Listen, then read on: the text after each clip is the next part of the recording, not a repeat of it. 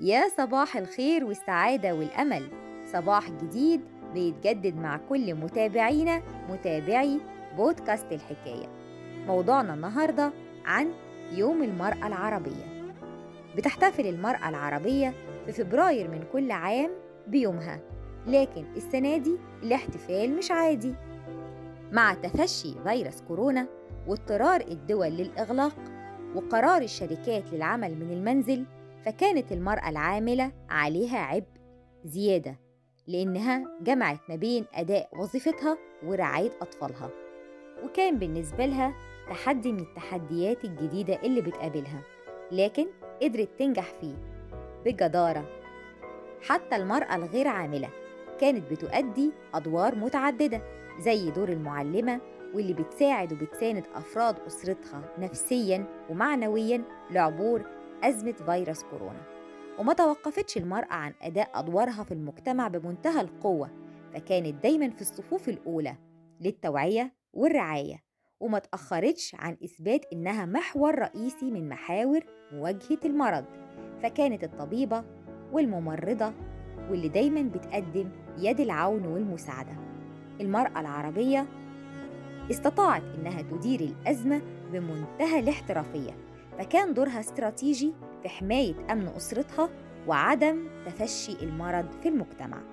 كل التحية والتقدير للمرأة العربية في يومها اللي قدرت تقابل تحدي صعب صحي اقتصادي اجتماعي في ظل تفشي وباء كورونا في العالم كله. المحن والأزمات الصعبة بتكشف بالتأكيد مكانة المرأة ومساهمتها على كل المستويات.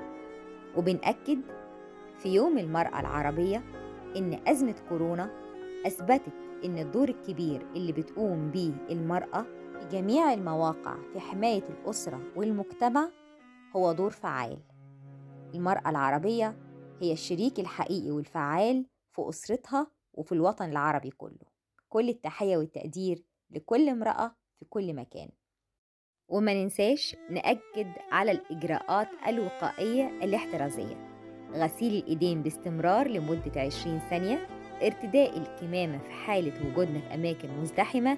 المسافات الآمنة بيننا وبين الأشخاص أثناء التعامل. صحتنا وصحة غيرنا أمانة لازم نحافظ عليها. اخترنا أغنية جميلة النهاردة نحب نسمعها مع بعض. من شبكة بودكاست لمتنا مساحة صديقة وبودكاست الحكاية تمنياتنا ليكم بكل الصحة والعافية والحياة السعيدة. خالص تحياتنا وكل الحب صفاء فوزي.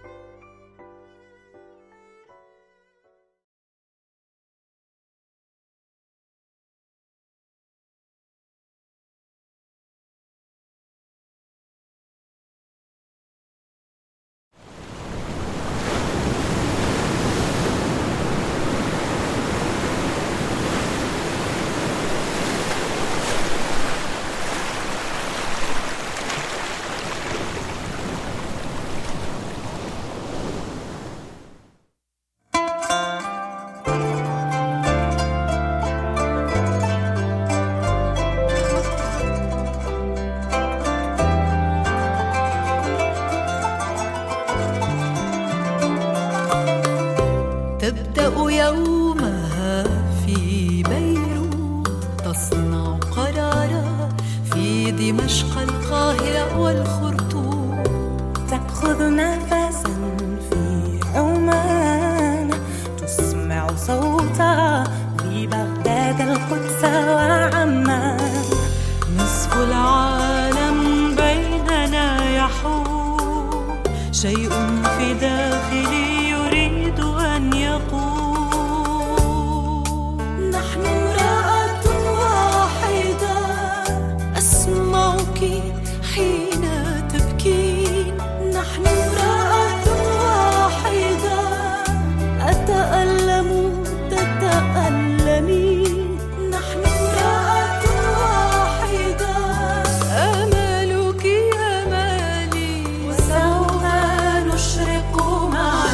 نقول الحق في مكناس.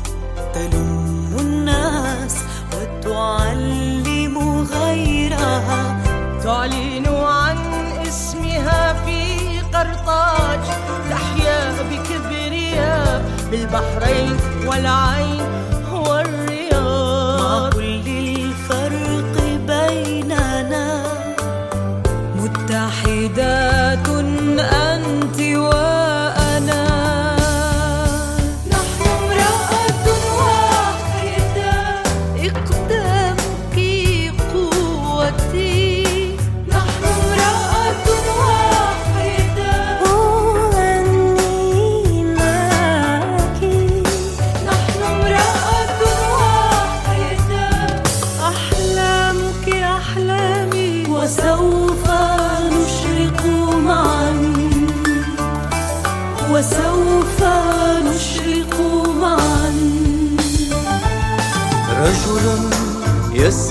صوتها.